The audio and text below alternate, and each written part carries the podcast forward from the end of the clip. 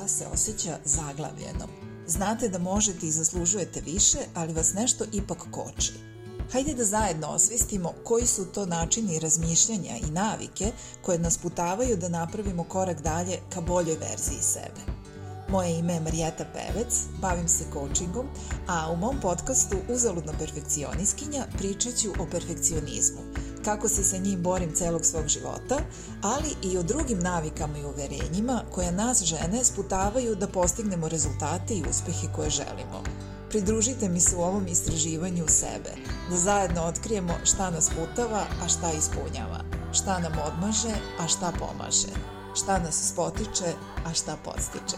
Slušamo se.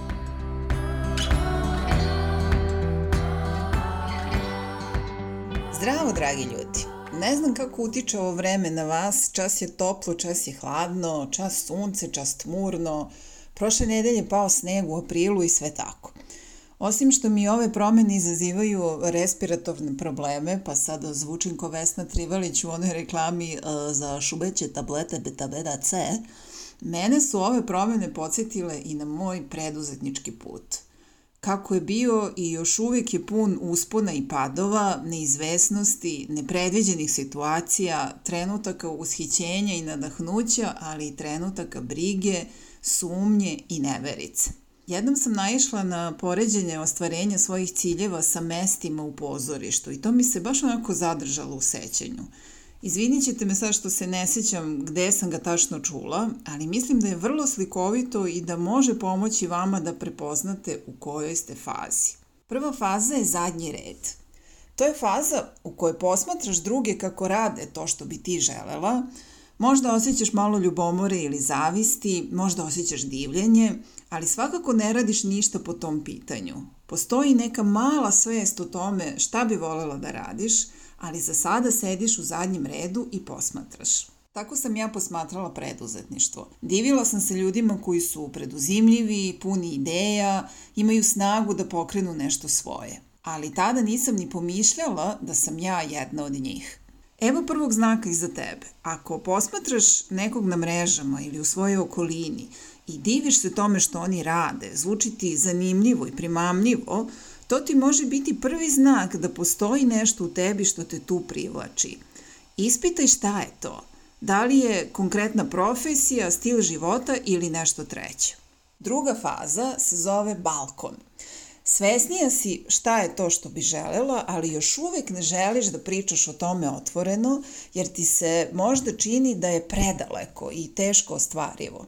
Ovo je ona faza kad osjećaš neki poziv u sebi, ali se ne usuđuješ ni da sanjaš da bi ti mogla nešto tako da radiš ili ostvariš. Ja sam tu scenu posmatrala kao nešto što je za druge ljude, za hrabre i odvažne, za one koji znaju ili umeju. Ko sam ja da uopšte pomislim da mogu biti deo te scene? Prolazi vreme, akcija još uvek nema, ali neke kockice se polako slažu i eto tebe u prvom redu.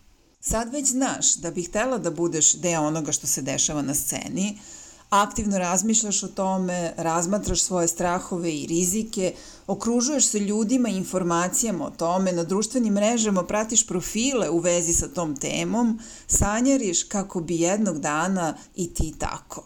Moguće je da u ovoj fazi ostaneš dugo, jer ti je potrebno da se to krčka u tebi. Svesna si da bi to za tebe bio veliki iskorak, ali još uvek nisi spremna da ga napraviš.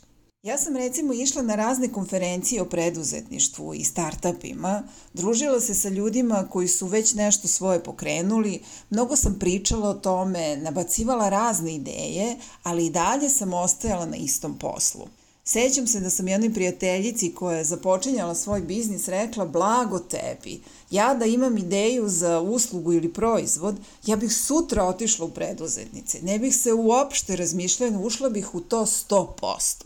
Tada mi se to činilo kao legitiman razlog, a danas znam da je to zapravo bio izgovor. Da sam tako tešila sebe što ostajem u mestu i ne preduzimam akciju. Ovde bih napomenula da se može desiti da misliš da nisi spremna, a jesi.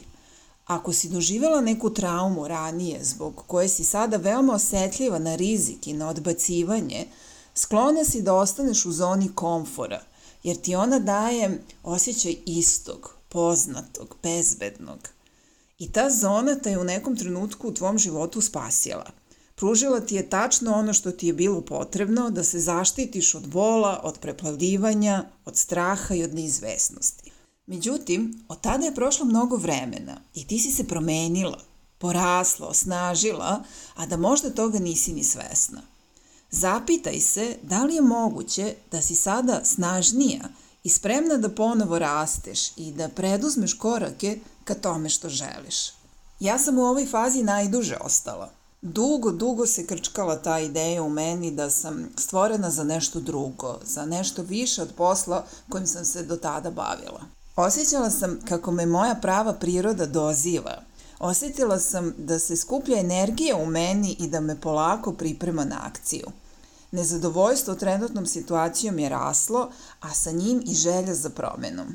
Mislim da je za mene prelomni trenutak bio kada sam sebi rekla da niko neće verovati u mene ako ja u sebe ne verujem. Da niko drugi neće otkriti to nešto posebno u meni dok ja to sama ne otkrijem. Uz sva moja interesovanja i sve poslove koje sam isprobala, jedina konstanta u mom životu je bila psihologija i rad na sebi. To me je od uvek zanimalo, stalno sam čitala knjige, čačkala po sebi, pokušavala da razumem i sebe i druge. Išla na terapije, razne psihološke radionice. I tako sam odlučila da dam otkaz i da počnem da se bavim coachingom. Veliku ulogu u toj odluci odigralo je i moje iskustvo na grupnoj terapiji, gde nisam bila samo neko ko prima pomoć, već i neko ko je drugima daje. To iskustvo me je osnažilo da verujem da imam kapaciteta da se bavim ovim poslom, a ljudi sa grupe su me u tome svesrno podržali. Tako sam se našla u narednoj fazi, fazi orkestra – Ovo je faza kada počinješ da radiš na delovima sebe koji će te dovesti do željenog cilja.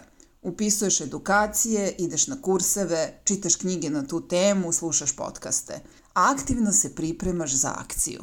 Možda si deo neke veće zajednice ljudi koji pokušavaju slične stvari da ostvare kao i ti, pa imaš podršku i s kim da podeliš svoje strahove. Ja sam upisala edukaciju iz kognitivno-behavioralnog coachinga, a ubrzo i mentorski program Živi, radi, voli kod Sonje Dakić. Na oba mesta sam našla zajednicu ljudi sa istim interesovanjima koji su bili na sličnom putu kao i ja. Imali su veliki san i cilj koji su želeli da ostvare i meni je puno značilo da svoj put prolazim zajedno sa njima. Četvrta faza u ostvarenju ciljeva je backstage. Sada si već iza scene.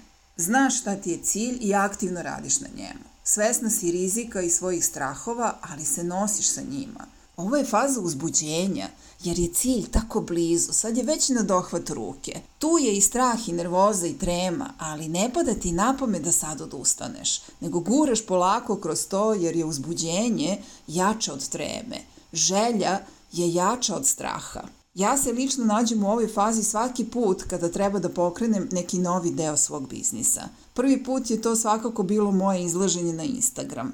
Pokretanje profila, zvanično objavljivanje svetu da sam ja sada kočica. Trebalo je stati imenom i prezimenom i čitavim bićem iza svega što sam do tada samo pričala, planirala i maštala.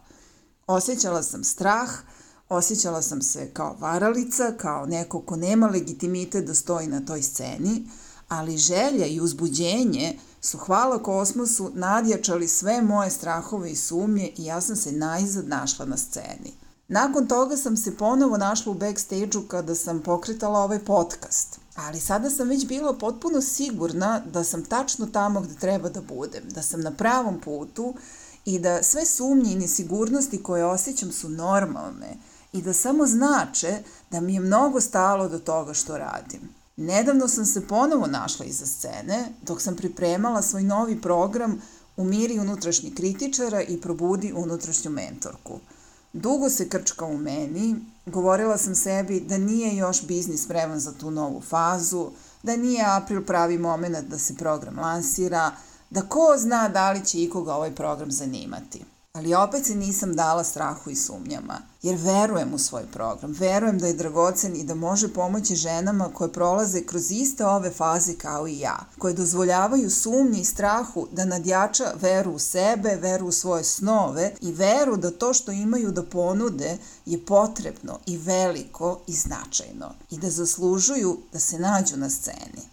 Scena je poslednja faza, faza u kojoj istupaš na scenu, sada već svi znaju šta je tvoj cilj, šta je to što želiš da uradiš i dobiješ feedback od ljudi.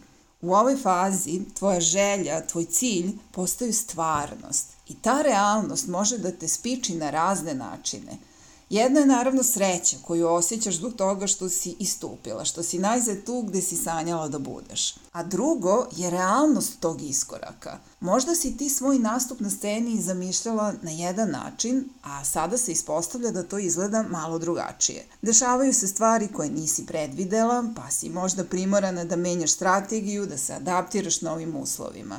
Shvataš da tvoj iskorak nije jedna lepa uzlazna putanja, već da ima mnogo uspona i padova, mnogo zatišja kada se ništa ne dešava i da će ti biti potrebno snage, upornosti i istrajnosti da svoj cilj u potpunosti ostvariš. Koliko god je zastrašujuća, ova faza je istovremeno i predivna. To je faza kada mnogo učimo, rastemo, to je faza transformacije kada kroz praksu saznajemo koliko u stvari mi možemo – I što je najvažnije, to sve saznajemo kroz akciju, a ne kroz kontemplaciju.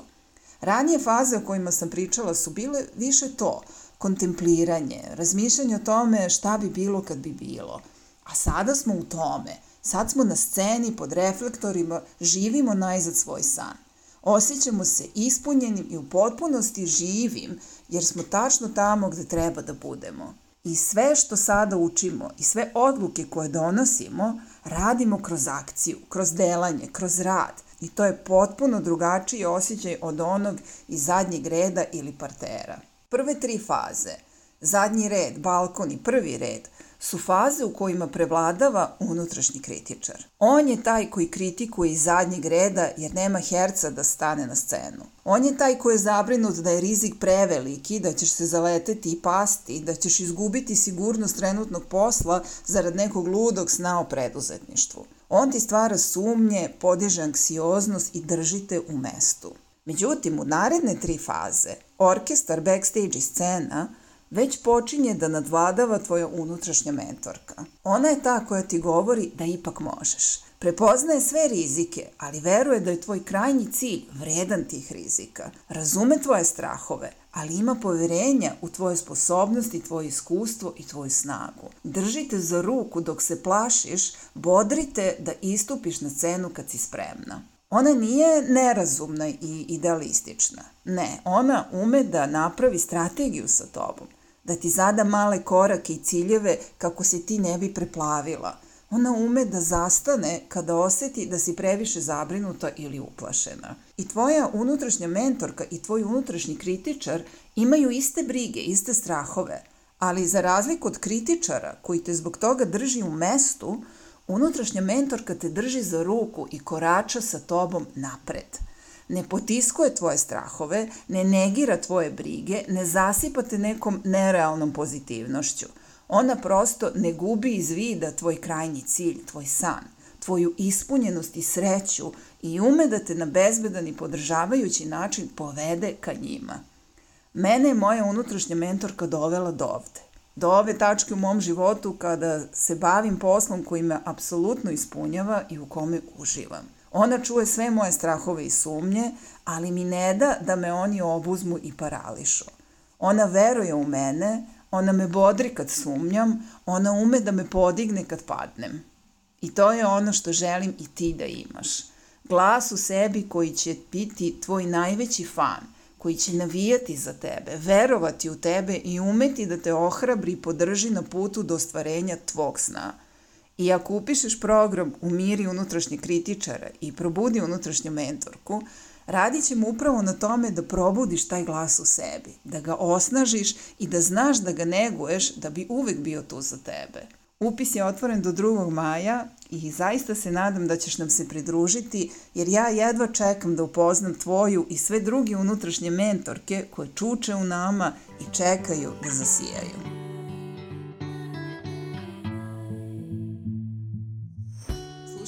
Podcast Uzaludna perfekcioniskinja. Hvala vam što ste tu, što delite sa mnom svoje vreme, probleme i iskustvo i što imate radoznalost i volju da radite na sebi. Ovaj podcast možete pratiti na podcast platformama poput Spotify-a i Google podcasta, a svi linkovi su u opisu ove epizode. Ukoliko ne želite da propustite sledeću epizodu, možete me zapratiti na podcast platformi koju koristite. Pozdravljam vas do naredne epizode.